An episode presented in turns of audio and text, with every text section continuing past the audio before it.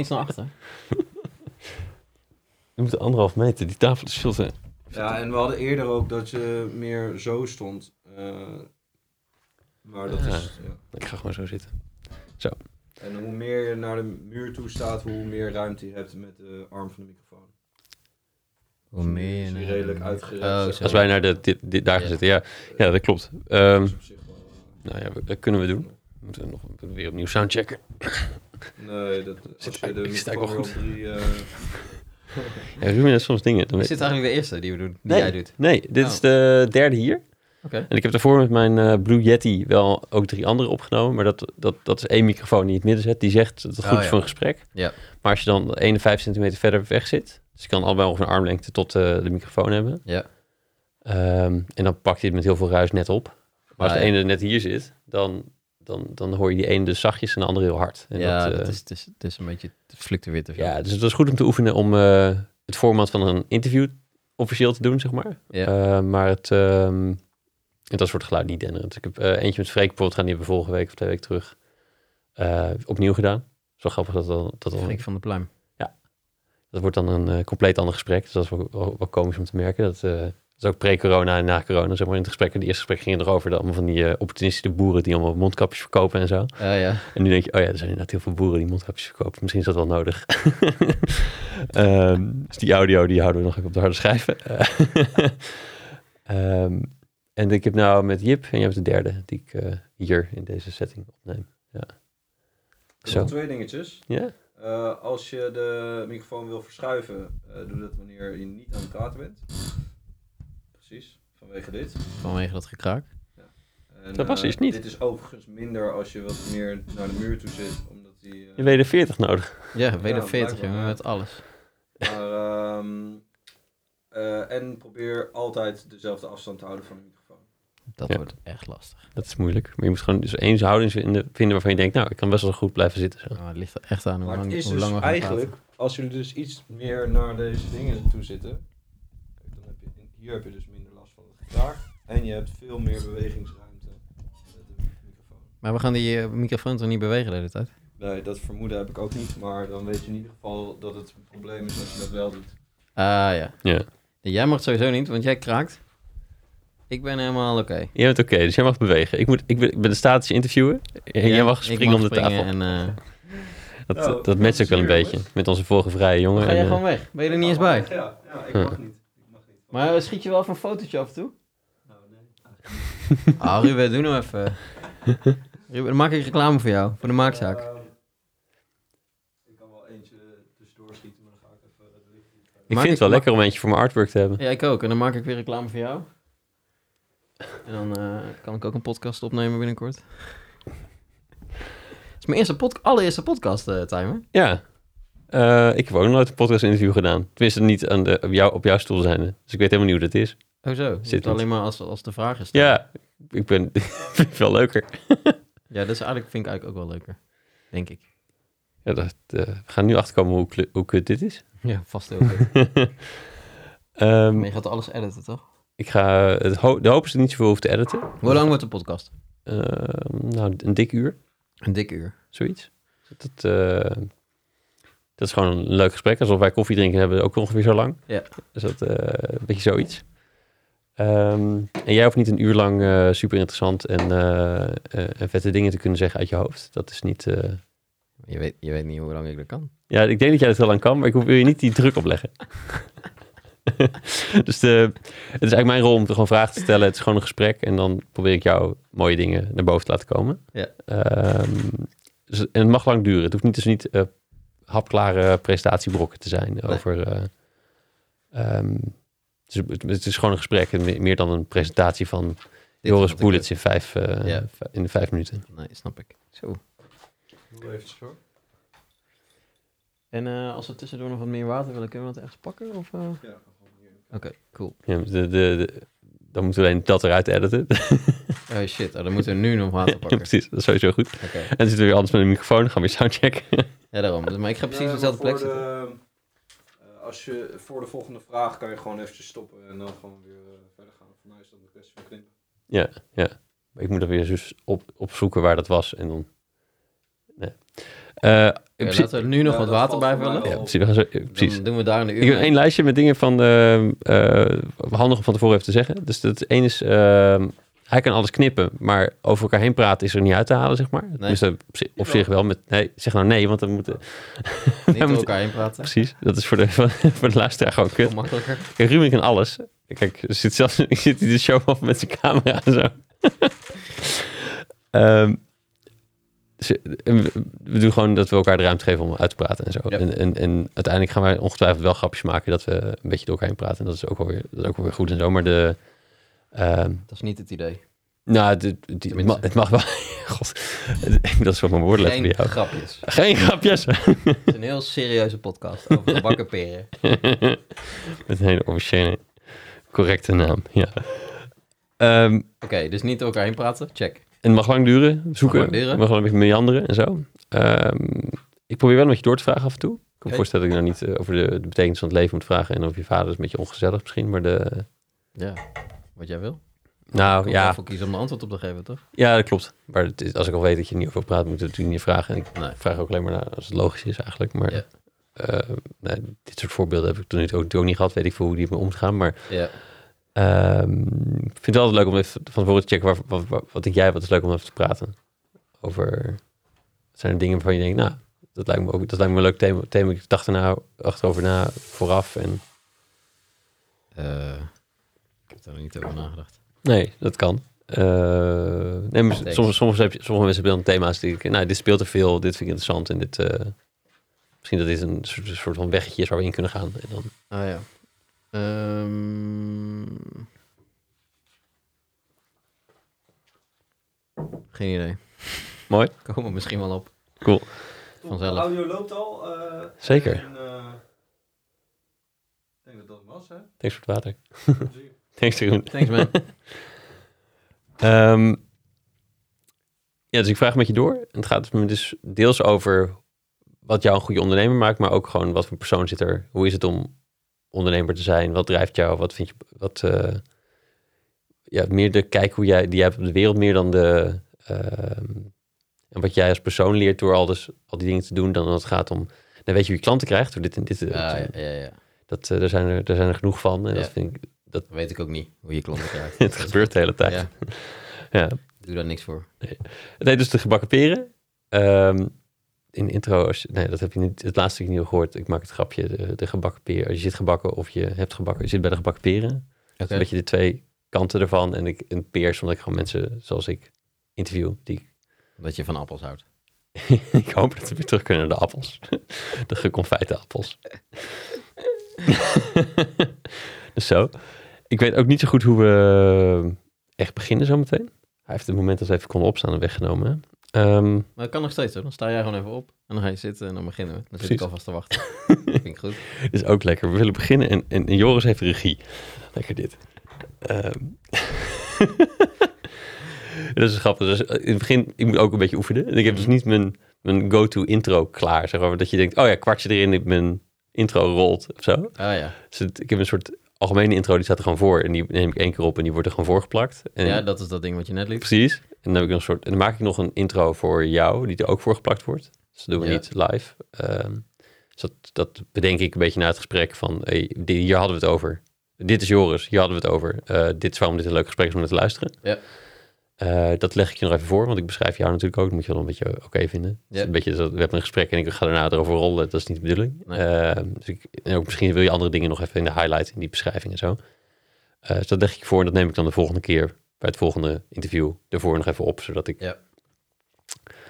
Ehm, en dat komt er dan nog voorgeplakt. Dus dan, als het goed is, hebben we daar al een beetje beschreven eh, wie je bent, wat je doet. Ja. Gewoon de, de, de, de algemene dingen. Eh, en dan met de kennis van hierna weten we wat daar ook staat over waar we het over gaan hebben. Dat, Ehm, dus ook als we dus tijdens dit gesprek dingen bedenken van wacht even, dat is helemaal niet logisch voor de luisteraar. Dat, dat kunnen we ook in de intro oplossen door er gewoon daar iets in te benoemen nog. Dus Ja. het is ook weer, dat geeft ook een soort van, eh, niet, hoef je niet, niet het gevoel dat je continu volledig hoeft te zijn. Je kan gewoon praten. Ja. Ehm, zo. Oké? Helder? Ja. Ik denk het wel. Ehm, de grap is ook dat ik dacht, wat ga ik Joris eigenlijk vragen? Ik weet als ik met Joris ga praten, dat ik dan uiteindelijk vanzelf een enorm gesprek ga hebben. Maar vooraf is dat toch een beetje spannend. Want als interviewer wil je er toch een beetje grip op hebben. Dat, Ja, ja. dat je denkt, nou, ik, ik kan in ieder geval hier naar vragen. Ehm, Nou, je mag in principe alles vragen. Dat maakt me echt Dat is fijn. dat is fijn. Ehm, kun je voor de luisteraar, we zijn nu officieel begonnen. Ehm, voor de luisteraar kort aanstippen wie je bent, wat je doet. Hoe zouden we jou kunnen omschrijven? Eh, nou, ik ben dus Joris. En eh, als mensen mij vragen wat, wat ik doe, dan eh, zeg ik eigenlijk meestal dat ik andere mensen help te vertellen wat zij doen. Dus eh, ik begeleid eigenlijk veel ondernemers, bedrijven. Ook random mensen die een idee hebben of eh, een idee voor een nieuw bedrijf willen starten. Of al lang bezig zijn met een bedrijf. En ja, gewoon niet zo goed weten hoe ze zichzelf beter eigenlijk kunnen verkopen. Verkopen dan niet per se het letterlijke woord, maar gewoon meer eh, vertellen tegen andere mensen wat ze doen. Zodat mensen denken, hé, hey, dat is interessant. Ja, Daar moet ik iets mee. Of, eh, daar wil ik meer van weten. Of, hey, heb ik die niet nodig? Of ken ik niet iemand die daar iets mee moet? ja precies, precies. Hoe is dat eh, ontstaan? Hoe ben je daarmee begonnen? Oh, dat is een hele lange, lange koers geweest. Ehm, hoe is dat begonnen? Nou ja, ik denk dat het eigenlijk mee te maken heeft dat ik vroeger zelf nooit precies wist wat ik was. Mhm. En mensen dat heel fijn vinden om je toch in een soort... We vinden het gewoon fijn om een labeltje op mensen te plakken. Zodat je weet gewoon, oké, die persoon is van die. Of dat bedrijf doet dat. Mhm. En eh, ik weet nog goed dat ik eh, eigenlijk niet zo heel goed wist wat ik wilde studeren en welke kant ik op wilde. Dus ik heb ook een hoop dingen gedaan, een hoop dingen uitgeprobeerd. En eh, ik moet dan denken aan dat ik toen ik afgestudeerd was als... eh, ik heb kunstgeschiedenis ook nog gedaan. Ik ben afgestudeerd als kunsthistoricus. En eh, toen moest ik eigenlijk mijn LinkedIn-profiel gaan maken. Dat was dan logisch, of je cv. Ja, Dan moest ik eigenlijk kunsthistoricus opzetten. Maar dat vond ik zo raar, want ik voelde me alles behalve een kunsthistoricus.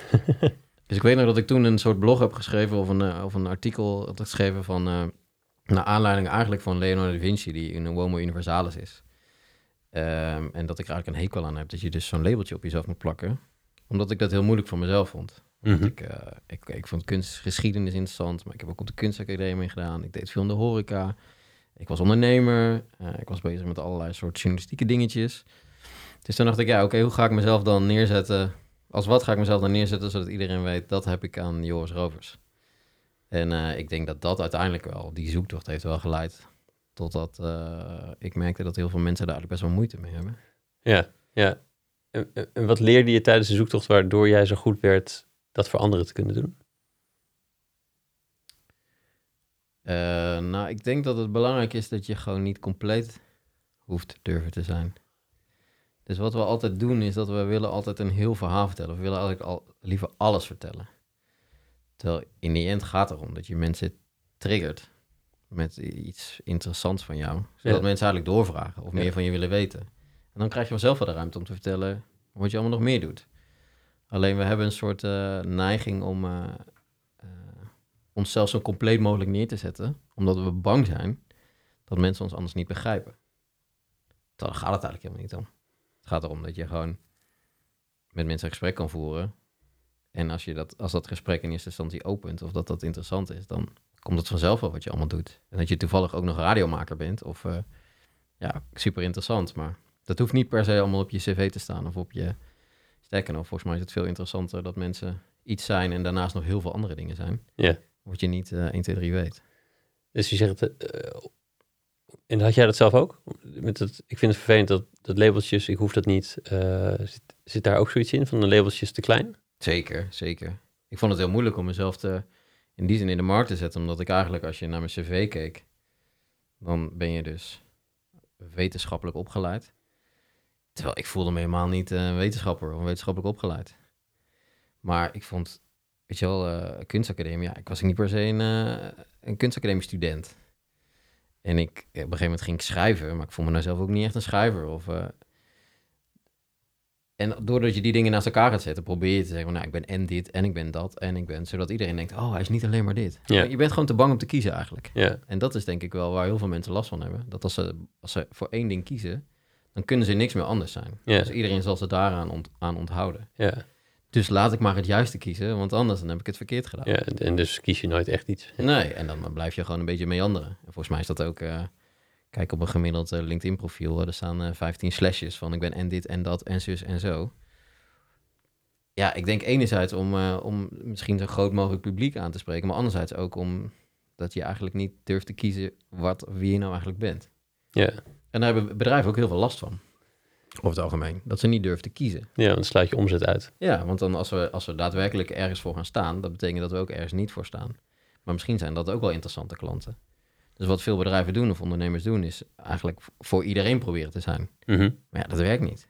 Je kan niet er voor iedereen zijn. Maakt niet uit wat je doet. Of je nou Nee, fotograaf precies. bent of dat je nou eh, Coca-Cola bent. Nou, Coca-Cola is misschien een ander voorbeeld, maar wordt voor steeds minder. wordt steeds minder. Ja, maar dat, dat, en dat is gewoon denk ik een heel... Want het is heel eng. Als je ergens voor kiest, van eh, je gaat ergens voor staan en dat ben ik, dan is dat waar mensen je dus aan eh, houden. Hoe En, ga je met dat proces om als je met klanten zit? Weer zo'n klant die niet durft te kiezen en jij komt met een eh, scherpere tekst. Of een scherpere merkidentiteit. Ja, Eh, hoe ga je ermee om? wat bedoel je? Nou ja, als, als er zo'n klant niet durft te kiezen van jou, Mhm. jij helpt ze met dat keuzeproces. Hoe, Ja. hoe, hoe ziet dat eruit? Ehm, nou, ik denk vooral dat het veel al te maken heeft met dat je gewoon, je moet gewoon inzoomen op eh, het oermoment of het oeridee waarop een ondernemer of een bedrijf ooit begonnen is. Hmm. Want de reden waarom iemand een bedrijf begint, dat is vaak de reden waarom een bedrijf bestaat. Mhm. En daar zit een soort intrinsieke motivatie achter. Dat kan van alles zijn. Het probleem vaak is als een bedrijf vordert, of een bedrijf groeit, of groter wordt, of mensen aanneemt, of ineens een andere markt gaat bedienen, eh, dat ze dan eigenlijk ineens vergeten waar ze vandaan komen. Dus als je dan wordt gevraagd om te kiezen, dan is eigenlijk gewoon de meest logische stap, oké, ga terug naar dat oermoment. Zeg maar waarom nemen ze dan ben je hier ooit mee begonnen? En als je mensen daarvan bewust weet te maken, Ja. dan wordt het makkelijker om te kiezen. Dan is het duidelijk wat er, niet, wat er eigenlijk bijgekomen is, maar minder belangrijk was. Ja. ja. En dat is ook heel moeilijk. En zeker bij bedrijven die heel snel groeien. Want je gaat heel snel eh, of meer producten ontwikkelen, of je gaat meer dingen doen, of je krijgt mensen erbij die iets met.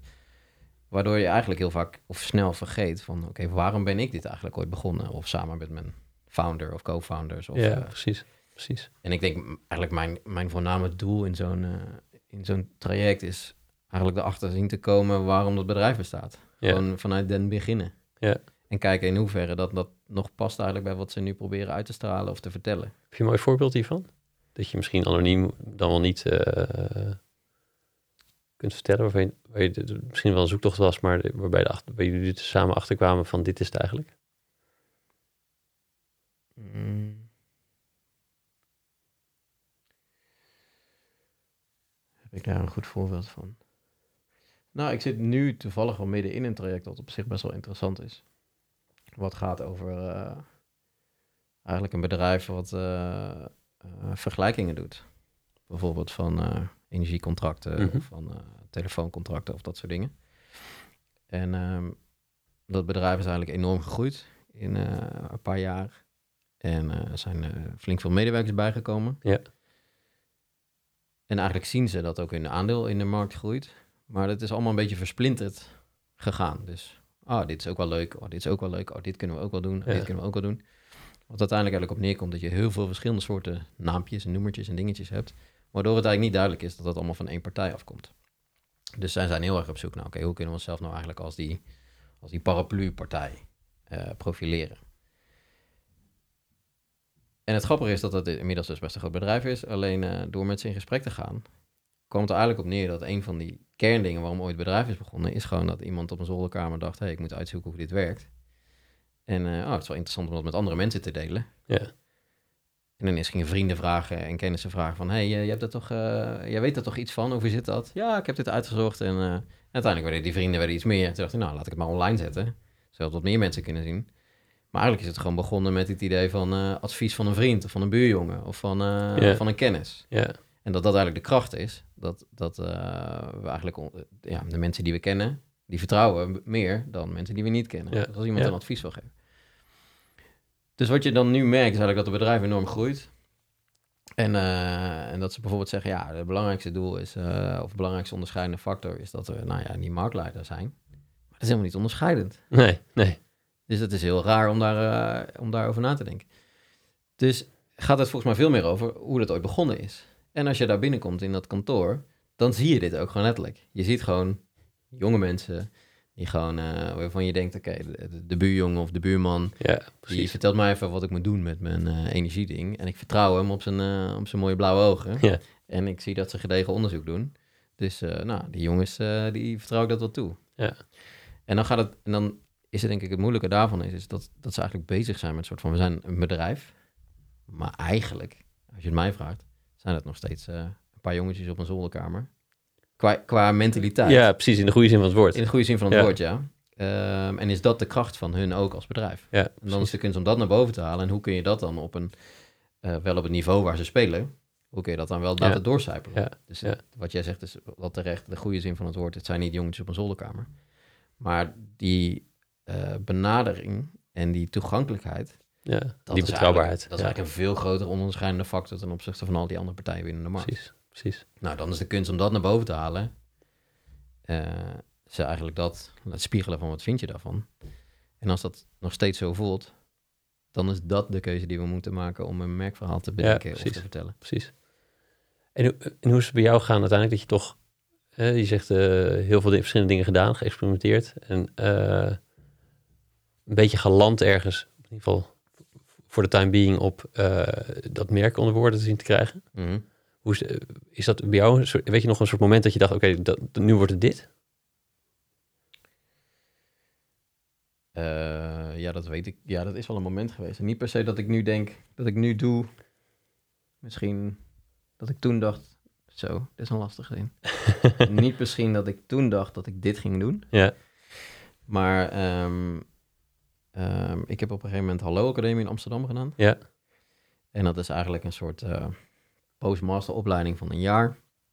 Het is niet eens een officiële school. Het is meer een soort eh particuliere-achtig initiatief van iemand geweest. dat zijn mijn lievelingsscholen. Ja.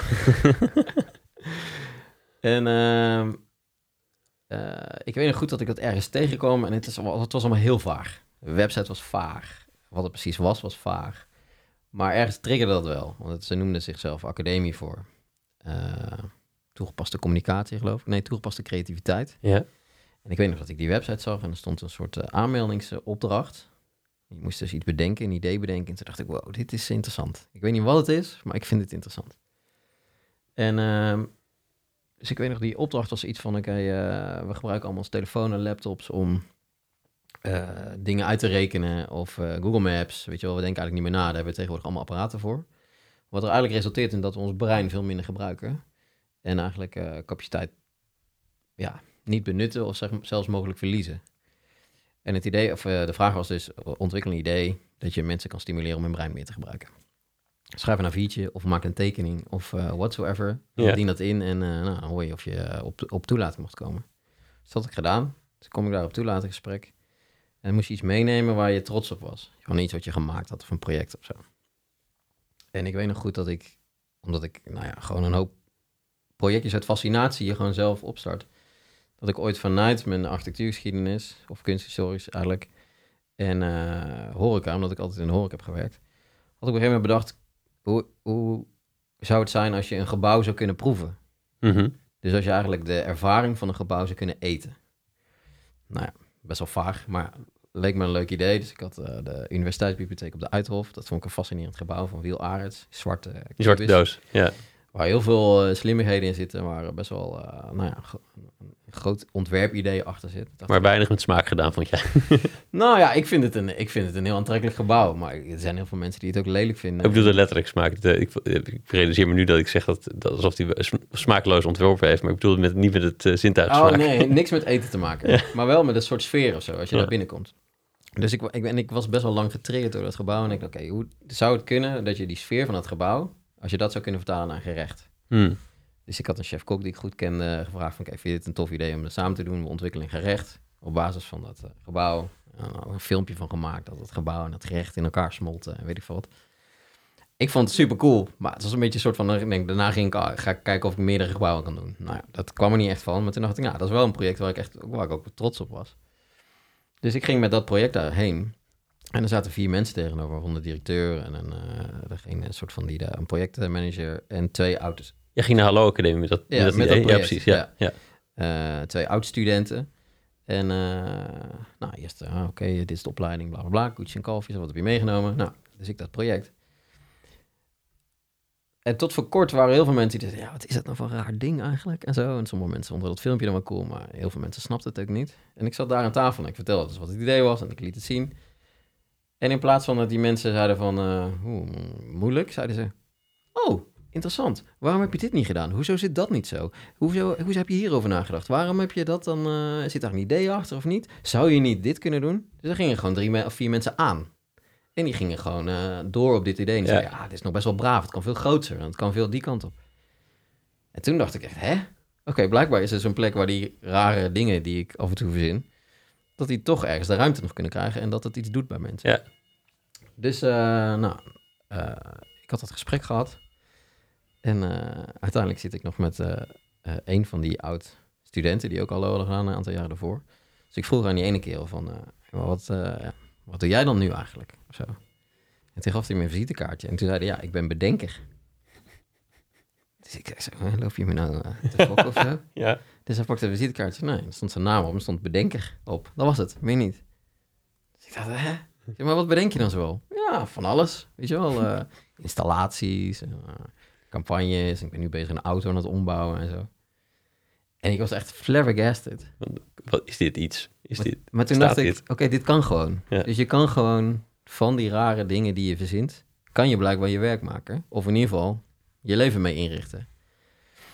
En ehm, dus ik was echt ja, gefascineerd door dat hele gesprek. En uiteindelijk werd ik dus daar aangenomen. En ik weet nog goed op dag één dat ik daar binnenkwam. Ik zat dus met tien andere of negen andere mensen die allemaal iets anders hadden gestudeerd. Dus allemaal een andere achtergrond. En eh, het was echt gewoon vanaf dag één was het oké. eigenlijk alle academische kennis voor nu leggen we even opzij. Ja. En we gaan nu gewoon even spelen. We gaan gewoon nu ideeën verzinnen en eh, met ons hoofd bezig zijn en gekke dingen. En toen dacht ik echt, oké, blijkbaar is het dus mogelijk dat je hiermee gewoon je leven invult of je werk kan van kan maken. Ja. En dat was het eerste moment dat ik dacht, oké, toen ik daar zat en dat, dat hele jaar was super intensief, dacht ik echt, oké, ja, dit is gewoon eh, dit wat ik moet doen. Dus toen, dat gaf je de, soort van de, vrijheid of de goedkeuring om, om ook, ook je eigen label te kunnen verzinnen. Of de, het hoeft er niet een soort van eh, prefab van de fabrieksband af te komen met, eh, oké, dit zijn de bestaande opties. Eh, kies daar vooral uit, maar het mag ook iets eigens zijn. Ja, het mag iets heel anders zijn. Ja. Of uh, verzin maar zelf iets. Ja. Bedenken. Of, Maar dat maakt jouw probleem misschien wel groter.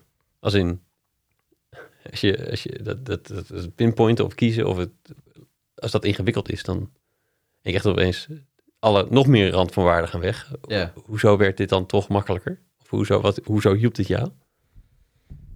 Nou, ik denk omdat je in het, eh, wat je zegt in het begin, je moet gewoon kiezen uit een reeks labeltjes. Ja. En dat labeltje zit er niet tussen.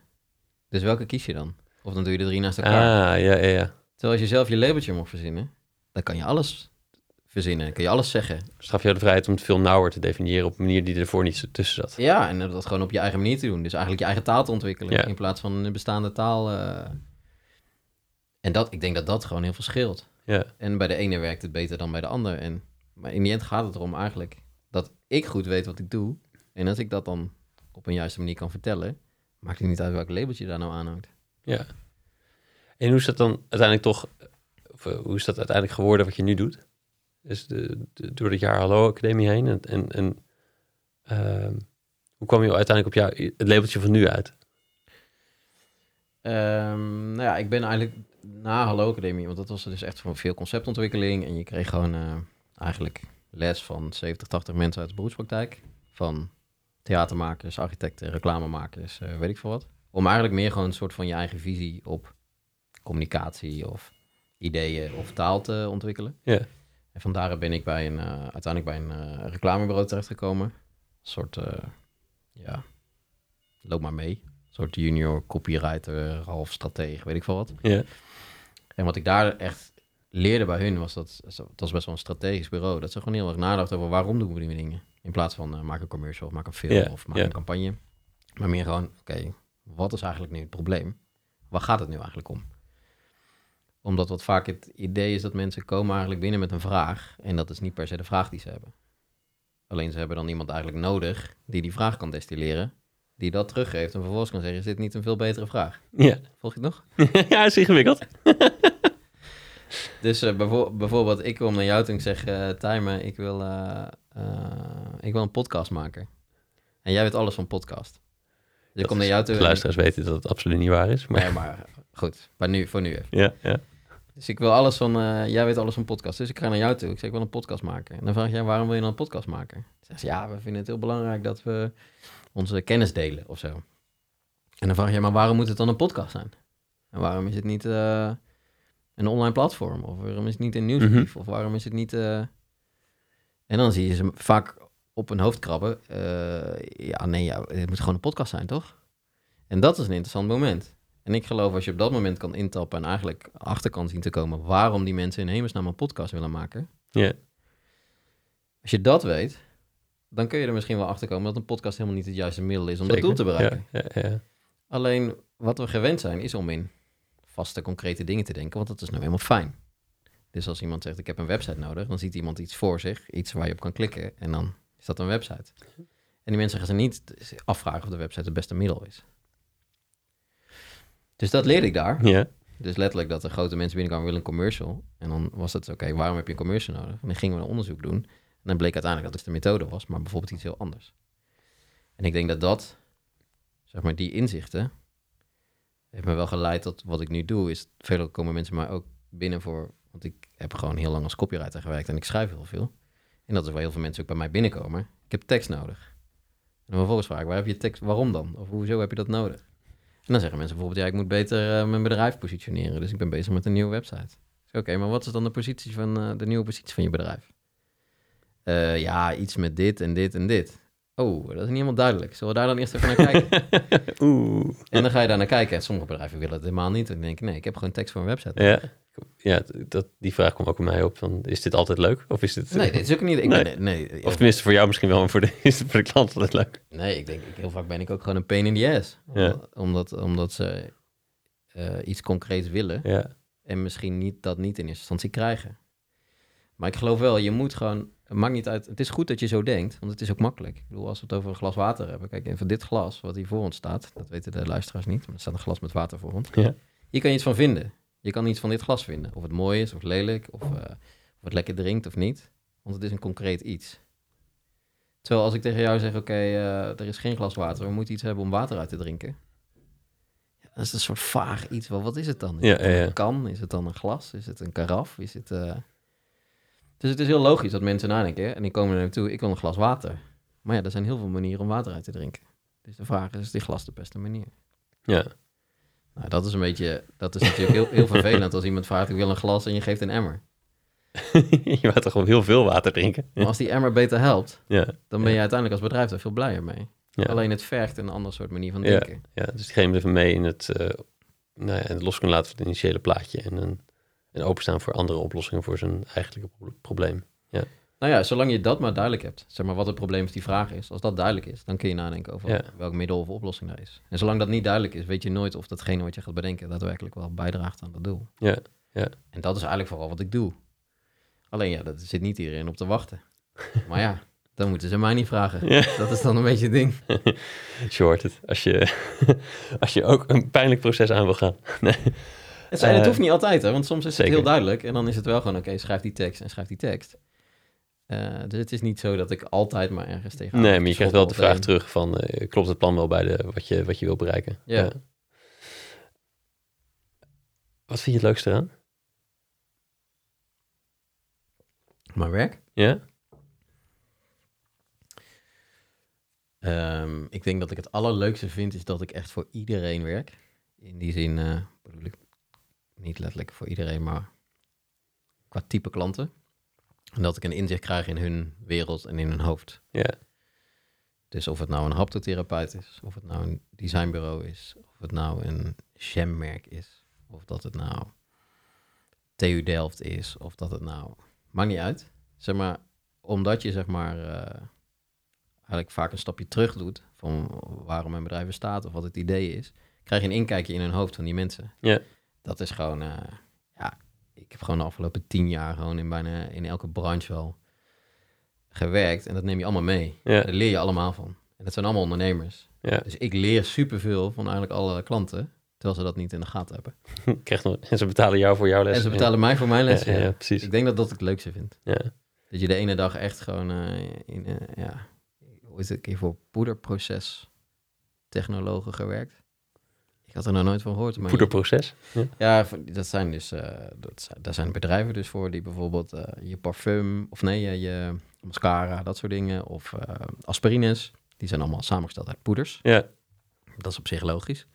En er zijn dus mensen die dus eigenlijk systemen en apparaten bedenken, zodat die poeders op de juiste manier bij elkaar komen. Mooi. Ik moest denken aan een make-up artist of zo. Ja, dus ik zat niet eens zo heel ver af. Nee. maar dan kom je ineens in een hoofd van zo'n ondernemer die daar een bedrijf in heeft. Met Ja, eh, ja, ja. installaties die waarvan dingen over de hele wereld worden gemaakt en hoe zij naar de wereld kijken. Vet. Maar ja, ik had er nog nooit van gehoord. En ineens krijg je daar inzicht in en leer je wat, zij- wat, wat zij eigenlijk weten. En je leert van, van hun branche eigenlijk. Ja. En dat kun je meenemen in andere dingen. Want dat is vaak wat, eh, dat is misschien wel het meest interessante wat ik ervan vind, is ehm, we zijn altijd zo geneigd om naar ons eigen werkveld te kijken. Dus ik werk bijvoorbeeld in, eh, nou laten we zeggen, marketing communicatie. Dus eh, wat je eigenlijk standaard doet, is naar conculega's kijken of naar inspirators in de marketing communicatie. Eigenlijk is het helemaal niet interessant. Want die mensen zijn allemaal met, met dezelfde dingen bezig. Ja. Het is eigenlijk veel interessanter om je een keer te verdiepen in, eh, weet ik veel, golfsport of zo. Mhm. hoe, hoe dat werkt en hoe bedrijven daarin werken. En hoe, wat hun visie is op ondernemen. Ja. Omdat je daar veel meer van leert. Omdat het anders is. En omdat ze op een andere manier kijken. Omdat ze een andere type klanten bijvoorbeeld hebben. Maar ook omdat ze een ander soort business hebben. Ja. En het voordeel van mijn werk nu is dat ik overal daar een soort klein graantje van mee mag pikken. En de ene keer is het intensief, de andere keer is het heel oppervlakkig. Maar dat zorgt ervoor dat je een veel breder eh, beeld krijgt eigenlijk van wat er allemaal gebeurt. Precies. Dat is het leukste wat er is. Mooi. De, zo grappig, ja, je, je zegt inderdaad die brede inspiratiebron. Ik moet ook denken aan de, de, eh, jouw nieuwsbrief die je rondstuurt. Ehm, waar eigenlijk geen enkel blokje gaat over marketing en communicatie. Het zijn allemaal meer andere dingen die je op een manier triggeren, zeg maar. Dus dat vind ik ook een mooie. Ehm, wat zijn inspiratiebronnen voor jou? Heb je er een paar? Die, die, die toch steeds terugkomen? Kunnen personen zijn, voorwerpen zijn, Eh, ja, installaties. echt een heleboel eigenlijk. Ik denk dat het, wat me het meest fascineert is gewoon eh, wat je dagelijks om je heen ziet. Mhm. Dat dat echt misschien wel de grootste inspiratiebron is. Gewoon mensen om je heen, dingen om je heen, systemen om je heen, merken. Gewoon waar je dagelijks mee aankomt, hoe werken dingen, waarom zijn die dingen. Dat je daar een vraag bij durft te stellen. Dat is denk ik een belangrijke. Een soort, eh, als het gaat echt om merken bouwen en ideeën. Dat is een kerel in, eh, in Engeland, David Hyatt heet hij. Ehm, dat is echt een grote held. Die, die, dat, dat is eigenlijk ook een oude reclamemaker geweest, een oude copywriter geweest. En eh, die heeft toen op een gegeven moment een kledingmerk eh, opgericht, Howie's. Gewoon meer vanuit, oké, het kan anders. Weet je, wel, street culture, laten we dat doen. hij is van Do Lectures, toch? Ja. Ja, precies. En dus heeft hij eigenlijk een soort merk opgebouwd met gewoon from scratch kijken hoe dat werkt. Nou, zo heeft hij een aantal stappen gemaakt en nu ehm, heeft hij dus twee dingen eigenlijk. De Do Lectures, waarin hij dus vooral ook heel veel experts van allerlei verschillende soorten samenbrengt. En eh, workshops geeft en eh, boekjes uitgeeft. Ja.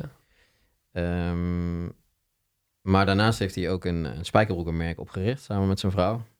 In eh, Cardigan in Wales. Daar komt hij oorspronkelijk vandaan. En de naam Cardigans ook. Ja, de naam Cardigans ook, ja. En ehm, daar stond een oude fabriek waar vroeger in de jaren tachtig heel veel spijkerbroeken werden gemaakt. Dus dat, het dorp stond ook bekend om het maken van die spijkerbroeken. Ja.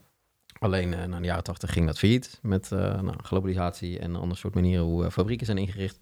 Dus uiteindelijk kwamen er 400 mensen zonder werk. Ja. Dus wat, wat, best wel veel is van, een, van dat dorp. Want het dorp is niet heel groot. Dus ik weet even niet precies een percentage, maar laten we zeggen een derde of zo van die mensen van dat dorp kwam zonder werk zitten. Ja, ja. En um, hij is eigenlijk terug naar het dorp. En wat, wat hij bedacht is eigenlijk zonder dat al die mensen... Er zit zoveel expertise in een hele goede spijkerbroekmaker.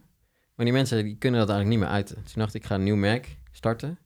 En het doel van het spijkerbroekenmerk is enerzijds... Oké, okay, we maken een spijkerbroek die gewoon beter voor de wereld is. Want spijkerbroeken zijn best vervuilend. Zeg maar, om die dingen te maken. Dus Ja. hoe kunnen we zo eigenlijk zo'n best mogelijke spijkerbroek maken. Ehm, in productieproces, in stoffen, in normaal natuurlijk, eh, dat soort dingen. Ja. Eh, maar het voorname doel is eigenlijk... Ik wil er eigenlijk voor zorgen dat die 400 mensen die ooit een baan zijn verloren... Ja. dat die een baan terugkrijgen. En dat is het hele doel van het merk. Dus het merk zo goed bouwen dat het kan groeien... dat uiteindelijk 400 mensen eigenlijk hun baan weer terugkrijgen. Ja, dus het dorpje krijgt zijn ziel en zijn betekenis weer terug. hè? Dat. Ja, precies. Nou, dat is, ik, ik weet niet, als je hem, gewoon hoe hij dat doet en als je hem volgt. En hij is natuurlijk iemand die eh, uit de reclamewereld ook ko- komt. Dus hij weet wat, hoe communicatie werkt. Ja. En het is gewoon een hele goede verhalenverteller ook. Dus hij heeft eigenlijk een spijkerbroekenmerk, maar als je hem volgt, dan denk je, het maakt niet uit wat hij verkoopt. Maar het zou ook gewoon eh, appels of peren kunnen zijn. Zeg maar, de manier hoe hij, dat, hoe hij dat merk bouwt in het team en hoe hij daarmee omgaat, dat is gewoon super inspirerend om te zien. Wauw. Ja, ja, ja. Toevallig het laatste eh, interview met hem geluisterd op, eh, bij de Reboot podcast. Daar kunnen we wel naar linken. Daar heeft hij, gaat hij ook met Jerry Colonna helemaal de, de diepte in over waarom en hoe nu verder. En het, wat nou als het tegen zit en zo. Dat is ook een hele leuke. Eh toen die naam zei, dacht ik, wacht, ik ken die naam ergens van. Ehm, ik begon eigenlijk al met hoe ga ik in godsnaam iets vragen aan jou? Want ik kan, er zijn te veel haakjes of te veel eh, projecten. Ehm, die jij, nou, je hebt een, een- nogal een staat van dienst, eh, zeg maar. Ehm, met ook allemaal eh, nogal mooie namen. Eh, Bureau Baard, Aap, Circus, Citroen, eh, eh, Vogelvrij, t- vij- 365 dag dagen vers. Ehm, dus het... mijn eigenlijk voornaamste puzzel was, hoe kan dat? Dat die Joris de hele tijd weer op zo'n plek zit, dat die, dat die van enorme dingen uit de grond knalt. Dus dat, dat snap ik niet. Dat, dat probeer, daar probeer ik achter te komen eigenlijk in het gesprek. Dat is mijn, dat is mijn, mijn, mijn, mijn, mijn, mijn doel. Ik heb er alleen nog geen goede strategie bij. Dus maar, hoe, hoe ontstaan die dingen de hele tijd?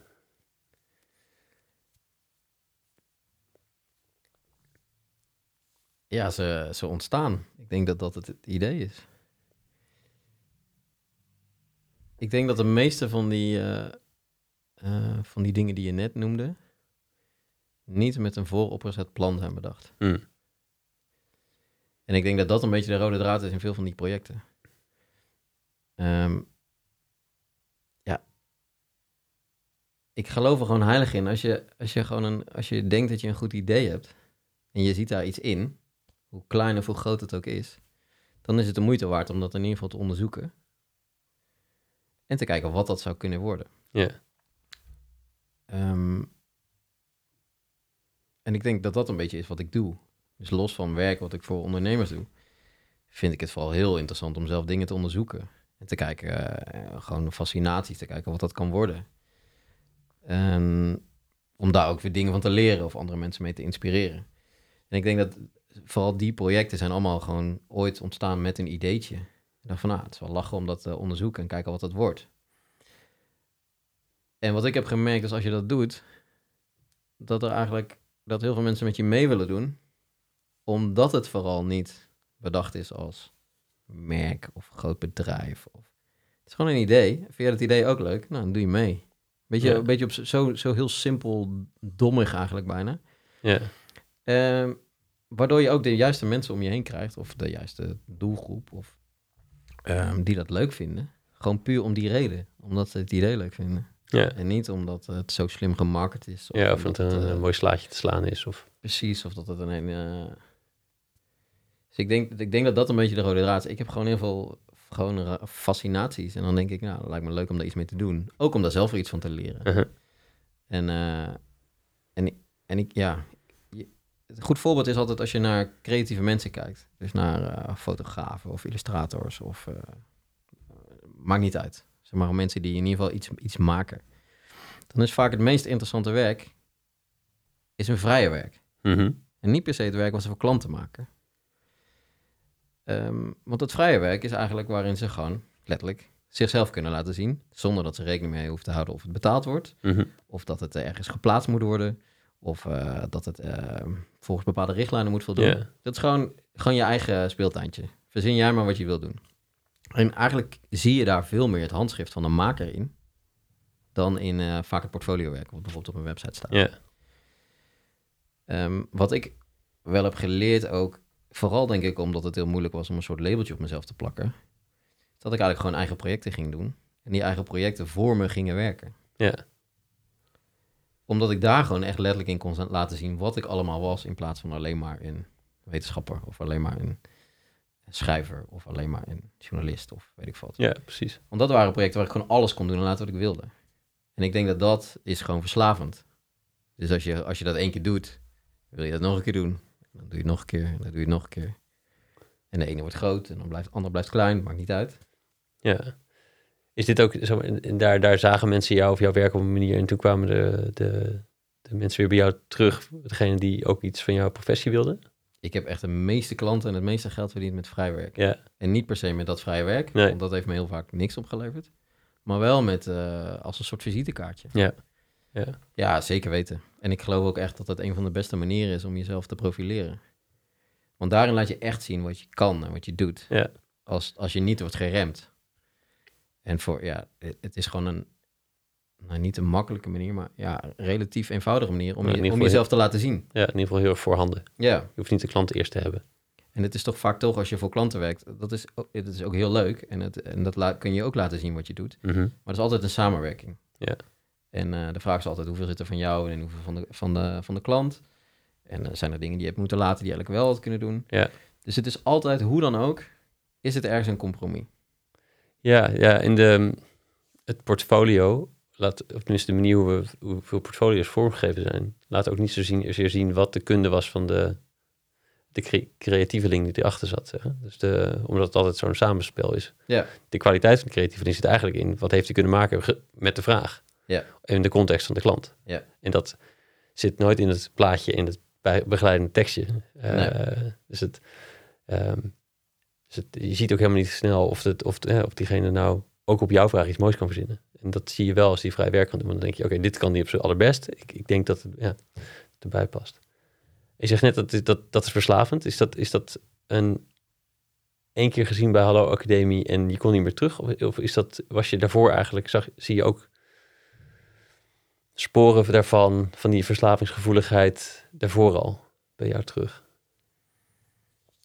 Eh, nee, ik denk dat dat al veel langer eh, bezig was. Ik, vind gewoon, ik, ik ben gewoon iemand die het heel leuk vindt om dingen te starten en dingen te onderzoeken. Hm. En eh, niet per se wetende waar het eindigt. Dat dat leuk is. Dat Ja. Een soort, eh, Was je dat als kind ook? ja, Ja? zeker. Hoe ging dat? Nou ja, ik was, ik, ik, ik, ja, ik- hoe ging dat? Ja, goede vraag eigenlijk. Zou je mijn moeder moeten bellen? Nee, ja, ik, ik, ik was altijd wel iemand die gewoon eh, overal mee bezig was. En dingen maken. En, en ik denk als kind was dat vooral ook echt eh, in, de, in de knutselmanier. En eh, eh, ja, overal, overal langs gaan en overal binnenlopen en bijhoren. Dat idee eigenlijk. Gewoon nieuwsgierig zijn. Gewoon, heel, st- ja, gewoon wat, heel- wat ieder kind denk ik wel, wel heeft.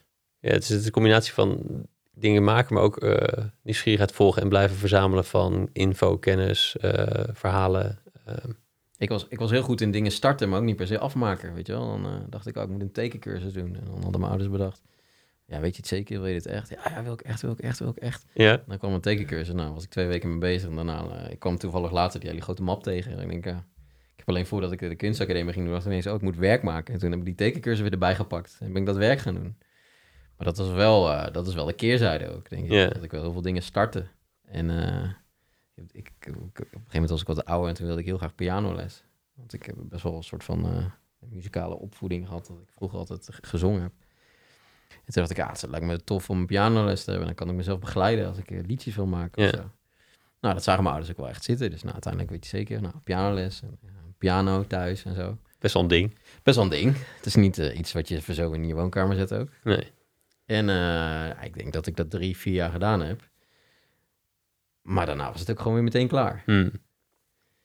Dus het is wel, het is ook een soort eh, onstilbare honger naar nieuwe dingen, denk ik wel. Ja. En, eh, ik, denk wel dat nu ik wat ouder ben, ik dat wat beter kan kanaliseren en niet overal meer eh, het first induik. Maar dat heb ik ook wel, dat heb ik wel heel veel gedaan. ja. En zit je, dat, heb, je, heb je dat in je werkende leven ook nog wel in de weg gezeten? Of is het... Nou, wel. eh, Nou ja, vooral wel in die, eh, meer in die initiatieven ontwikkelen. Dus dat, eh, dat je gewoon... eh, kijk, als mensen een goed idee hebben, dan ga ik gewoon aan. En dan gaat mijn hoofd aan. ja, En voor je het weet, zit je er al middenin. Ben je al bij betrokken. Bij iemand andermans idee. En dan ga je ineens samen die kar trekken. Terwijl je denkt, huh, dit is niet mijn idee. En dat is me wel een hoop keren gebeurd. Omdat ik dan ook gewoon heel enthousiast ben. ja, ja. En ook denk, oké, kan je helpen? Ik wil je helpen. En eh, oh, tof, misschien kunnen we dit en dit doen. Ja. En voor je te weten ben je een paar weken verder... en zit je ineens in allerlei ideeën. En denk je, huh, wat ben ik allemaal aan het doen? En je zit, ja, ja, precies. Dus je zit, je, je, je zit plotseling overal in. Ja, Ehm, ja. Dat, zie ik, dat zie ik ook nog ook om jouzelf, eh, wel, eh, niet alleen om je, je eigen intrinsieke behoeften, maar ook om, om dat je er ook bijgehaald wordt, zie ik, ook nog, zie ik ook nog eens gebeuren. Dus het is een twee kanten eh, volgens mij. Dus die anderen die ook wel er graag bij zullen willen hebben. ja. Ehm, en is het, het snel weer zat zijn ook een keer een, een soort eh, schaduwkant die, eh, die af en toe de, zich laat zien? Of is het eigenlijk niet het zat zijn van iets, of het meer het, het opnieuw geïntegreerd door weer iets nieuws? Nou, ik denk, ik denk waar het bij mij vooral heeft te maken heeft met gewoon is met, de, met energie. Kijk, het fijne aan een, een nieuw iets starten is dat er altijd heel veel energie is. En mensen heel veel zin hebben. En Ja. het is allemaal leuk. Ja. Dan komt er een keer een moment dat die energie verslapt. En de kunst is om die energie op een bepaalde manier altijd op zo'n niveau te krijgen dat je daar in ieder geval nog op, de, op vooruit gaat. Ja, Dus ik denk dat de meeste dingen waarvan ik dan een soort van zat van ben, is dat de energie eruit gevloeid is. En dat Ja. kan op heel veel manieren. Dat kan aan mezelf liggen, dat kan aan, eh, weet ik veel, gebrek aan geld liggen. Of dat kan aan een team zitten waar dat niet meer, eh, of, of het ding wat ooit bedacht is, ja, ja, is toch niet zo goed genoeg, of, of weet ik veel wat. Dus dan is het denk ik heel erg de kunst om te bepalen, ehm, is het de moeite waard om dit door te zetten? ja, Of moet je niet bang zijn om te zeggen, oké, we stoppen hiermee. Want niemand eh, haalt die energie uit. Ja. En ik denk dat ik eh, tot een paar jaar geleden eh, overal mee doorging. Dat ik toch dacht, ja, de energie is even uit. Maar kom even doorpakken en we doen daar weer een injectie in. En we halen die erbij en weet ik wat. Waar je af en toe echt aan een dood paard aan het slepen bent. En ik denk dat ik nu veel bewuster kies. Hmm. eh, wat wel, wat niet. En waarom bouw je die dode paarden wel, eh, wat is het? Blijven verslepen? Aan de kant houden? Nee? wat is de uitdrukking? Ehm, nou ja, ik denk, dat- ik denk dat het te maken heeft met als je de potentie van iets ziet. Hmm. Zeg maar, eh, ik, ja, ik, ja ik, ik weet niet of dat nou, ik denk dat het een kracht is, maar misschien ook wel een valkuil. Dat als je iets ziet en dat je ziet wat het zou kunnen worden, dat je daar eigenlijk mee aan de slag gaat. En als je op een gegeven moment halverwege era- erachter komt, ehm, het is daar nog niet, maar ik zie wel wat het zou kunnen worden. Dat je toch denkt, ah, we moeten hiermee verder. En we moeten hier eh, op een andere manier dan naar kijken. dat oorspronkelijke idee blijft eh, trekken. Dat blijft trekken, ja. En je, en, en je ziet of je hoort of je denkt toch, ja, als we het zo en zo doen, dan is daar echt wel iets van te maken. Of Ja. eh, kunnen we daar geld mee verdienen? Of eh, is het een baan voor heel veel mensen? Ehm, maar de vraag is wel of, of je dan niet, zeg maar, te, te nauw vasthoudt aan, we moeten dat originele idee realiseren. Mhm. Of wil ik zelf ook dit idee realiseren? Ja, de optie eh, de, tussen jouw opties die net schetste van hoe je kan stoppen met iets, of doorgaan of stoppen, is ook, je kan, jij kan er als persoon uitstappen. Ja. En dat je vrede hebt dat je iedere keer in die beginfase, in het, wanneer de energie lekker gaat, Ja. eh, eh, daar heel veel waarde toevoegt en dan erbij bent en het dan ook overdraagt. Ehm, Want dat heb ik ook wel gemerkt in mijn werk, weet je wel. Dat ik voorheen kwam dan letterlijk iemand bij me toe, we moeten een website maken. En dan ging ik ook die website maken. Dus dan deed ik en een stukje strategie, Ja. ik ging tekst schrijven, maar ik zorgde ook dat die website gemaakt werd. En dan eh, schakelde ik allerlei mensen weer in, zodat ze die website konden maken. Dus vormgevers, websitebouwers, weet ik veel wat. Wat super tof is, en je kan zo'n klant dan helpen op het hele vlak. Alleen waar ik achter kwam is, dat eerste traject, dat was vooral mijn traject. Ja. Namelijk kletsen met de klant en interviewen, en vragen stellen en hoe zit het dan? En een sessie doen en dan iets naar boven halen en dan dat weer laten zien. En dan, oké, dit is het verhaal, hiermee Mhm. gaan we werken. Vervolgens moet dat dan vertaald worden naar de website. Ik denk, ja, ik ben geen websitebouwer. Nee. Ik kan een beetje meekijken, wat, wat, wat wel werkt, wat niet werkt. Gewoon puur met eh, een soort bijna, ja, creatieve directeursoog of zo. Weet Ja. je wel, dat je een beetje soort dat, dat begeleidt. Maar ja, die gasten zijn allemaal veel beter dan ik. Dus eh, de expertise ligt bij hun. Alleen dan wil ik een soort aannemer. ja, Want ik was wel Ja. het aanspreekpunt. Dan gingen mensen mij bellen over iets met die website. En dacht ik echt, ja, wat kan mij die website schelen, joh? Bel die gasten gewoon. Ja. Maar ja, dat kon niet, want ik was degene die dat er, eh, die fixte. En daarin heb ik wel gemerkt, dan worden het hele lange trajecten. Dus dan een traject eigenlijk, want ik doe, maar, die, die, die strategietrajecten zijn meestal drie maanden en dan kom ik eigenlijk weer elke keer weer terug. Tenminste, dat heb ik geleerd dat dat de beste manier voor mij is. Dus eigenlijk, laten we zeggen, oké, een traject duurt een jaar. Dan was ik drie maanden was ik vol bezig. En de rest van de negen maanden was ik alleen maar eh, aanspreekpunt en eh, regelneef en eh gezeur aanhoren. Omdat die websites altijd issues hebben. En, ja. Omdat er altijd iets is, Ja. wat heel logisch is. En daar liep ik helemaal op leeg. ja, Toen ik dacht, hè, dit is helemaal niet wat ik wil. En toen, langzaam maar zeker, is, die stap gekomen dat ik eigenlijk, oké, ik doe dat eerste traject. En dan blijf ik wel betrokken. Maar ja, dan, dan kom ik eigenlijk weer terug in. Dus ik ben erachter gekomen dat ik een soort sprinter ben en niet een lange afstandrenner met, met zo'n traject. Ja, en ik vind, wat, ik mooi ook weer vind, is wat je doorbreekt, is het plaatje dat elke zelfstandige een een of andere creative agency studio moet worden met heel veel mensen en het hele proces full, eh, eh, service kunnen bedienen. Want dat, is, dat is een groter bedrijf en dus beter. Ehm terwijl daar dus bij komt dat je dus ook een soort van projectmanager wordt van allerlei andere types. En wat nou als je gewoon dat ene stukje heel leuk vindt om te doen en dat iedere keer doet. Ja, Ehm, en gewoon doorschuift. Eh, eh, En dan win je eventjes wat minder op, de, op die 20, 30 procent premium die er bovenop het tarief, nou, weet ik veel, eh, zit. Maar je houdt wel over wat je, wat je eigenlijk leuk vindt om te doen. Dus het, en waarschijnlijk, ook, ook het, volgens mij het sommetje komt ook nog beter uit, omdat je gewoon meer van dat werk kan doen. ja meer tijd heb je daarvoor. En sowieso meer energie overhoudt, omdat je leeg ging op het andere. Ja. Ja. Ehm, een kleine switch. Heb jij, heb jij ehm, tips qua lezen, qua boeken, qua films, qua docu's eh, die je vet vindt? Die je onlangs gekeken hebt waarvan je dacht, of gelezen hebt waarvan je dat moet iedereen lezen? Poeh, Best wel een switch zit. Is best wel een switch, ja. Ehm, ja, ik denk echt de belangrijkste tip, en dat is misschien een hele rare tip, maar lees gewoon wat je normaal niet zou lezen. Hm. Dus ehm, dit heb ik ook van iemand hoor.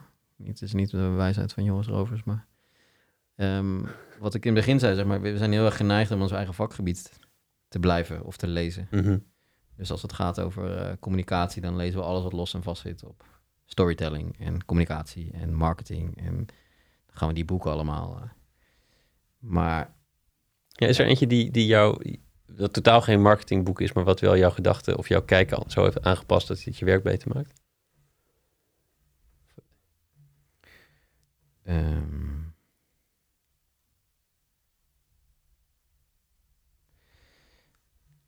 nou, ja, er zijn er wel een paar. Ik moet even, de- ik, even aan... Ehm, ja, is het niet... Ja, nee, het is niet echt een marketingboek, denk ik. Nee, het hoeft dus geen marketingboek te zijn. Nee, dat bedoel Dat ik. is Zeg maar, je is het een marketingboek of is het niet een marketingboek? Maar bijvoorbeeld die, eh, die eh, David Hyatt heeft dus een uitgeverij waarin ze meerdere experts eh, aan het woord laten. Maar dat gaat dan over hele andere dingen. Dus over hoe houd je bijen? En, eh, hoe bak je brood? Ja. En, eh, hoe improviseer je? Ehm, er is ook een kerel die heeft een boekje geschreven. Dat, eh, ehm, het zijn allemaal do-boekjes van do, doen. En dat heet do pause. Dus neem pauze. En, en de kracht van pauzes. En hoe je pauze kan nemen. Hm. Ehm, in een gesprek of in een presentatie, maar ook in je leven, of ook in, een, eh, in drie weken of op vakantie. Dus gewoon de nobele kunst van pauze nemen. Mooi. Nou, dat soort boekjes, dat levert me veel meer op dan weer het zoveelste, ehm, weet ik veel, Seth Godin of eh Seth Godin. Wat hele goede boeken zijn, maar die kom je heel veel tegen. Dus volgens mij is de kunst vooral om, om daar notie van te hebben, maar wel eromheen te kijken. Ja. En inderdaad gewoon, eh, ik kreeg ooit een tip van, oké, koop een magazine wat je normaal gewoon niet koopt. Dus ga gewoon eh, naar een uh, tijdschriftenkiosk, ga gewoon op dat vak staan en, I don't know, als je nooit een fotografie magazine, koop gewoon een keer een fotografie magazine. En haal daar iets uit wat interessant voor jou is. Want dat levert je vaak volgens mij veel meer op dan al die boeken. En het probleem met eh, veel van die boeken lezen is... Lezen is één ding. Het toepassen of gebruiken, dat is echt iets totaal anders. Zeker. Ja. Want ik ben ook iemand die fucking veel leest en kijkt. En, eh, maar ook dat ik op een gegeven moment dacht, ja, de helft ben ik alweer vergeten. Terwijl ik dat boek dacht, oh, dit is echt het boek waar ik eh, me helemaal aan ga houden. Soort van, weet je wel? Ja. Ja. Dus eh, ja, kies er een paar. maar ja, ja, ik denk echt gewoon toch laat je op een andere manier prikkelen of zo. Hm. Dat dat eigenlijk de belangrijkste les is. Natuurlijk is het fijn om af en toe een goed boek te lezen over storytelling. Of, eh, eh, weet je, ik heb ook van die eh, boeken over copywriting die ik dan ook gebruik en ook lees. Omdat er gewoon hele andere dingen in staan. Maar dat zijn niet per se, denk ik, de boeken die me nu daadwerkelijk echt verder helpen in mijn werk. Ja. Volgens mij zijn het veel meer die andere dingen. Ja, volgens mij zeg, zeg je onder andere, volgens mij moet je ontwikkelen als persoon of kijken naar het leven. Of, en dat maakt je veel unieker in hoe je uiteindelijk uiting geeft aan je, aan je vak dan eh volg deze scriptjes. Ja, en iedereen, als iedereen dezelfde boeken leest, dan Ja. krijg je ook allemaal dezelfde uitkomsten. Ja, ja. Dus dat is ook gewoon. eh, Ik denk, nog, ik, denk verder nog even na over als er nog dingen binnenkomen. Dat Precies, moet je echt zien. precies. Maar, En daarom kan ik deze vraag niet aan het eind stellen. Wat een Nee, veel logischer moment is het, misschien. eh, Maar de... en je bent onlangs begonnen met Vogelvrij. Yep. Kun je daar iets over vertellen? Wat dat is en wat je, wat je Ehm. hoopt te bereiken daarmee. wat is vogelvrij? Ja, ik zeg dus altijd dat het een speeltuin voor ideeën is. En ehm, het voorname doel eigenlijk daarvan is, is dat ik geloof dus dat heel veel mensen ideeën hebben. En ook goede ideeën hebben. Maar er niks mee doen. En dat kan allerlei redenen hebben. Omdat andere mensen zeggen dat het niet kan. Of omdat ze bang zijn voor het idee. Of dat ze geen tijd hebben. Of... Maar dat het vaak wel bij sommige mensen iets is wat altijd terugkomt. En ehm, ik geloof gewoon dat als je dus ergens heel blij van wordt, dan moet je dat gewoon onderzoeken en kijken wat dat wordt. Zeg maar hetzelfde als dat vrije werk eigenlijk. En wat je vaak nodig hebt, is alleen maar dat iemand je daar een beetje in stimuleert en je laat zien hoe dat moet. Zoals die drie bij de Hallo Academie. Of die drie, vier mensen die aangingen op jouw idee in plaats van... Ja, wat is een beetje raar, dit idee. Ja, dat is zeg maar als je op een willekeurig feestje staat en eh, dan zegt iemand, oh heb je dat, er is iets nieuws gelanceerd. En dan zegt iemand, ja dat heb ik ook een keer bedacht. Ja, dan denk ik altijd, hou je mond gewoon. Weet je wel, had er dan iets mee gedaan, zeg maar, maar Ja, ga er niet zo soort van dan nog alsnog. En eh, wat ik gewoon heb gemerkt is dat gedurende, nou ja, gewoon eh, de laatste, laten we zeggen, 15 jaar, zeg maar de dingen die het me meest hebben opgeleverd, zijn die dingen. Dus van eh, dat je gewoon eigenlijk een gek ideetje had, dat er heel veel mensen zeiden, het gaat helemaal nergens over, het slaat nergens op. En dat je dat toch gaat onderzoeken en Ja. uitvoeren en dat dat het meeste oplevert. Zeg maar, die dingen die je net opnoemde, die zijn allemaal zo begonnen. Maar ook een van de belangrijkste veranderingen of switches die ik ooit eh, daarin heb meegemaakt, is ook dat ik heel graag eh, op een Vespa door Italië wilde rijden. Ik had een boek gekregen van, eh, van iemand en het ging over een kerel in de middelbare leeftijd, een Australiër. En die kocht een Vespa in Italië en die reed van, ik moet ik goed denken, van Milaan naar Rome volgens mij. En ik had het boek gelezen. Het was niet zo'n goed boek. Tenminste, het was niet zo. Het was wel grappig, maar ik vond het niet zo goed geschreven. Maar ik dacht dat dit, dit is wat ik ook wil. Want ik was een soort van fan van Italië geworden na ooit een keer een reis naar Rome. En toen dacht ik, dit is wat ik ook wil. Ik ga dit doen. Dus eh, toen dacht ik, ja, hoe ga ik dat doen? Dus ik een, eh, een vriendje van mij gevraagd, een beetje gek gemaakt. Nou, vind je het toch ook tof? Gaan met z'n tweeën. Ja, Kopen alle twee een Vespaatje. Nou, nog een beetje jong, maar... nog een beetje jong. En eh, die zei, eh, ja, goed idee, laten we het doen. Dus wij alle twee een Vespa gekocht uit 1970, dus 40 jaar oud. Nice. Bij Ja. een boertje ergens in eh, Tilburg. Nou, we gaan, we gaan komend jaar gaan we door Italië karren. Dus nou, wij dat Vespaatje gekocht. Ik, ik weet helemaal niks van motoren of scooters of whatsoever. Ik ben totaal niet technisch aangelegd. Maar ja, ik denk dat ding rijdt en, en prima. Dus eh, nou, wanneer gaan we? Dus- Hij deed tenslotte al 40 jaar. Ik bedoel, Ja, en kan, zijn, kan eh, hij nou stuk gaan nu? en we gaan naar het land waar die dingen worden gemaakt. Dus eh, dat komt vast goed. Dus dat was een beetje mijn gedachte. En oké, we gaan dus zo'n reis maken. En hoe wisten we het precies? Dus ik heb met hem ja, een soort van plannen. Oké, wanneer gaan we dan? En, maar naarmate we een beetje zeg maar dichter... Want we zouden dan in de zomer gaan. We hadden dit volgens mij ergens in het voorjaar gekocht.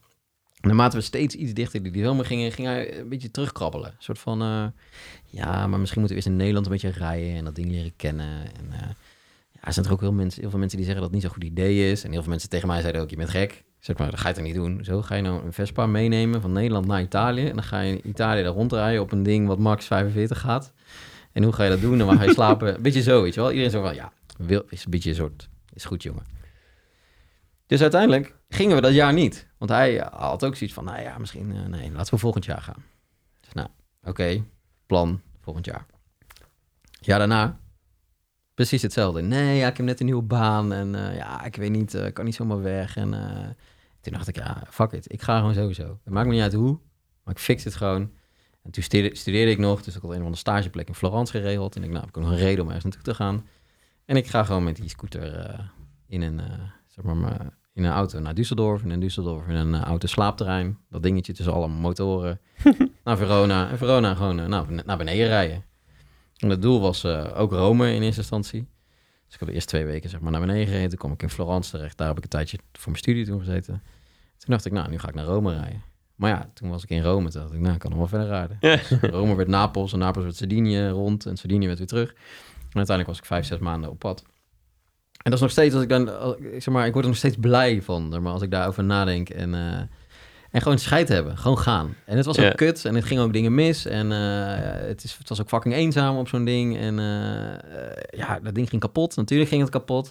En zo in Napels hadden ze me gek gemaakt dat alles werd gejat. Dus ik allemaal sloten vastleggen en iedereen begon er alleen maar te lachen. Weet je wel, gewoon, gewoon classic. Gewoon zo'n zo'n zo'n zo'n reis maken. Maar wat ik toen wel had geleerd, of wat eigenlijk mijn belangrijkste les nog steeds is, ik wilde dat gewoon heel graag doen. En het maakt niet uit hoe debiel dat idee was, of wat anderen daarvan vonden. Ik ging gewoon. En dat zouden meer mensen moeten doen. Ja, je had versie A, jij ging wel. En versie B had jij ook kunnen zijn in een ander geval. eh, met heel veel net iets meer zuurpruimen eromheen. Die zeggen dat het een slecht idee is. Ja, en hij heeft er nu nog steeds spijt van. Als we het erover hebben, heeft hij er nog steeds spijt Tuurlijk. van. En het gaat er niet om dat je eh, op een, op een scooter rond moet rijden. Maar het gaat er mij wel meer om dat je naar dat stemmetje moet luisteren. Ja. En dat is eigenlijk wat ik met Fry wil doen. Dat je dat stemmetje gewoon de ruimte geeft. En dat je niet bang bent voor wat het wel of niet kan worden. Maar dat je dat gewoon gaat onderzoeken. Ja. Of dat je gewoon een idee wat je heel lang hebt. Dat je gewoon gaat kijken. Hoe zou het zijn als ik dat echt zou realiseren? Of als je al tien jaar twijfelt om voor jezelf te beginnen. Je hoeft niet meteen een bedrijf te starten. Ja. Maar kijk dan, zeg maar, wat het dan precies is. Wat wil je daarmee? Hoe werkt dit? Als je daarmee aan de slag gaat, wat levert je op? Word je daar blij van, ja of nee? En misschien st- start je wel je eigen bedrijf. Maar misschien kom je wel achter dat je helemaal geen ondernemer bent. Maar dan weet je het wel. En dan bij de eerstvolgende verjaardag kan je wel zeggen... nee, ik heb ook ooit geprobeerd om ondernemer te worden. Dat is niks voor mij. ja, of nog positiever. Ik merkte dat ik dit en dit heel belangrijk vind en leuk vind. En dat ik dat beter ergens anders kan doen. Dat kan ook. En, wa- en, eh, kun je iets, iets vertellen over hoe dat er een beetje uit gaat zien? Ehm, ja, het idee dus wel is dat er echt een fysieke plek komt. Mhm. Wat dus een soort speeltuin is. Dus waar je, en, eh, eh, waar je eigenlijk trainingen kan krijgen of een soort vast programma kan volgen. Waar ook gewoon events zijn met allerlei verschillende soorten experts. Ja. Ehm, maar ook een plek waar je iets kan maken. Dus het, het liefste, de ultieme droom is gewoon dat het één grote werkplaats wordt. Maar van 3D-printen tot aan houtwerken, tot aan schilderen, tot aan whatever. Als je maar iets kan maken. Dat is ultieme droom. Nog niet hoe dat gaat worden, maar... Maar vooral dat het je gewoon uitnodigt, op welke manier dan ook, om gewoon, nou ja, veel meer naar dat stemmetje te luisteren. Ja. Van wat als ik dat wel doe, of stel Ja, dat ik ja, maak, of veel meer te spelen. We zijn allemaal een beetje vergeten om te spelen. Dus, dus het, eh, eigenlijk gewoon eh, ja, een plek waar je gewoon even een beetje toch wat vrijer kan zijn dan, eh, dan je misschien in je dagelijks leven of je, of je, je, je standaard dingen bent. En waar jij eh, ook eh, je verslaving goed kan botvieren om eh, veel te spelen. En veel ideeën de wereld in te slingen. Zeker. Ehm, ja, en hoe ga je, wat we net hadden over het doorzetten of we toch weer een ander idee vet vinden. Hoe ga je dit, hoe gaat jouw schaduwkant van enthousiasme hier, hier volwassen mee om? Ook, Met dit idee? Of? nou, hoe, hoe ga je in dit project met, met, die, met, die, met, die, met die schaduwkant om? Die, Nou, ik, ik, ik vrees, en dat is, dat is ook gevaarlijk om te zeggen, maar dat dit wel iets is waar ik eigenlijk al jaren naartoe werk. uh En waar heel veel dingen voor mij samenkomen. Ja. Ehm, dus die vrees heb ik niet zo Nee. voor die schaduwzijde. Ik heb meer het idee van eh, eigenlijk wat ik de afgelopen, nou, laten we zeggen, 15 jaar heb gedaan. Dat dat steeds meer samenkomt eigenlijk op één plek. ja. En dat dat voor nu het idee voor mij, dat dat vocal fry is. Er zit ook wel een kleine hack in dat in, in, intrinsiek in dit idee zit, zit die speeltuin, zeg maar. Eh, of zit dat spelen, zit dat nieuwe ideeën kunnen eh, eh, groot maken. Ik kon niet helemaal volgen waar jij en Ruben het hiervoor over hadden, over die exploderende ledlampen. Eh, maar volgens mij, eh, als ik er iets van begrijp, dat moet je misschien maar even toelichten zo, maar wat ik in ieder geval zie daar is dat je, nou, jouw, je, je- die verslaving er zit al, zit al ingebakken in, het, in, het, in wat, het, wat het daar gaat worden. Ja, Dus zonder dat, het, dat je een nieuw idee nodig hebt of een nieuw project nodig hebt, wat weer altijd weer buiten het bestaande nieuwe eh, project moet zitten, heb je er gewoon in dit ene project zitten steeds nieuwe dingen. ja, dat denk ik, ja. Dus Hoop ik. Is een soort van, eh, een soort van gestut en gehackt, dat, eh, dat, eh, dat je enthousiasme gewoon vrij kan gaan daar, zonder dat het ook, eens, ook de, de, de, de zwakke kanten van, van elke vaardigheid heeft, heeft de zwakke kant en hoe die je daar toch weer hijackt. Nou, ik denk dat het gevaar hierin wel in zit, is dat het, dat het, dat er wel nog een focus blijft. Dus, dus ondanks dat het een speeltuin is en Ja. dat het alle kanten op gaat, het gevaar is natuurlijk dat er alleen maar meer dingen bij komen. ja, En eh, draagt dat nog steeds bij aan het oorspronkelijke idee. Want als alles mag, een soort van alles mag, ja, ja, dan kan het ook eh, ja, kan het alle kanten op gaan. En de vraag is in hoeverre eh, ben je dan nog van meerwaarde voor anderen? ja, Mijn vriendin zei, volgens mij is vogelvrij gewoon je eigen speeltuin. En nodig je toevallig gewoon wat andere mensen uit die daarbij komen. Zeg maar, is dit gewoon een behoefte die je zelf heel erg hebt? Toen dacht ik, ja, ik, ik denk in, in, ergens is dat ook zo. En ik denk dat het met heel veel dingen is die ik doe. Is dat het een behoefte is die ik zelf voel en ook voel dat die behoefte bij andere mensen is. ja, Maar als ik daar zelf niet in mee kan of in geloof, Ja. dan kan ik dat ook niet naar andere mensen overdragen. Nee, en als je nu al zelf er niet in mee zou kunnen, waarom begin je dan? Ja, Dus, dus dit, is met je, dit is een beetje het oer van dit merk. Het, ja ik, ik denk van heel veel dingen die ik doe. ja, Maar ook met, eh, wat we natuurlijk met Cirque Citroen, met die diners in leegstaande panden doen, is als wij nu ook, eh, we doen dat nu met z'n, met z'n drie als een kernteam. En als we dat ook nu vertellen aan andere mensen, zeggen we eigenlijk, ja, we geven gewoon een etentje waar we graag zelf naartoe zouden willen gaan. En toevallig nodigen we 100, 200, 300 andere mensen uit. ja dat hoorde je goed. 100, 200, 300, ja. Dus, dus, dus dat, is, dat is gewoon ook een beetje hoe ik, ik- ja, hoe ik in ieder geval denk. En ook eh, met veel mensen om me heen wel. Dat, ja, als, als het duidelijk is waar jij voor staat en wat jij wil, is het voor anderen ook duidelijk of ze daarbij willen horen. Ja. Nee. Is het Ja, makkelijker om die precies. keuze te maken. Dus hoe hoop je dat het er over vijf jaar uitziet? Eh, dan is er in ieder geval ergens een, eh, een, een tof pand met eh, gekke fratsen. En dan zijn er een hoop mensen die daar heel graag naar binnen lopen. En zijn er minimaal, nou ik heb nu gezegd, het doel is dat 1% van Nederland een gekste idee volgt. Geloof ik, er zijn iets van eh 178.000 mensen of zo. We hebben iets van 17,8 miljoen eh, Ja. inwoners. Dus nou, daar 1% van. Dus laten we zeggen 17.800 mensen. ja, Het zou fijn zijn als die een guts volgen en dat in ieder geval hebben gedaan. En Ja. een raar idee hebben onderzocht of misschien wel ontwikkeld of een bedrijf van gemaakt. Want ik geloof echt dat als veel meer mensen gewoon een gut feeling volgen, dat, nou ja, even stom gezegd, ook onze wereld gewoon een beetje leuker en, eh, en beter en socialer en mooier wordt. mooi. Dan dat we allemaal maar volgen wat de rest doet. Ja, Want ik denk de int- intrinsieke motivatie van één persoon, die kan zoveel veranderen ten opzichte van eh, wat een bedrijf soms voor ogen heeft of doet. dat is een hele pure drive. Ja, Ja. gewoon echt een pure drive. En, gewoon, en ik denk dat dat ook is wat ik in mijn werk ook bij, waar ik altijd naar op zoek ben bij klanten. Dus wat is die pure drive? Ja, En ik denk ook dat daarmee de klanten zich filteren, een soort van letterlijk, je bent een pain in the ass, eh, we moeten jou niet hebben tot aan we willen met je werken. Mhm. is zeg maar de, de nou ja, degene met die waar de meesten met wie ik of we samen willen werken, zijn de mensen die wel een pure drive hebben. Ja. Dat het niet ge- gefilterd of geblurred of is. precies, precies. Dus ergens filtert dat zich wel uit. Ja, het ja, is ja. niet zo één op één van eh, oh, met jou werk ik wel, met jou werk ik niet. Mooi. Lijkt me een mooi, eh, mooi einde. Dankjewel Joris. Graag gedaan. Jij bedankt. Dit was me een feest om eh, deze verhalen van jou te mogen horen. En eh, zoals ik zei, ik was, ik was van tevoren al nogal onder de indruk van de, de lange lijst aan, aan grote projecten. Ik ben blij dat ik daar een kijkje in de keuken mogen nemen. En ik eh, ben blij dat je al die projecten continu uitvoert.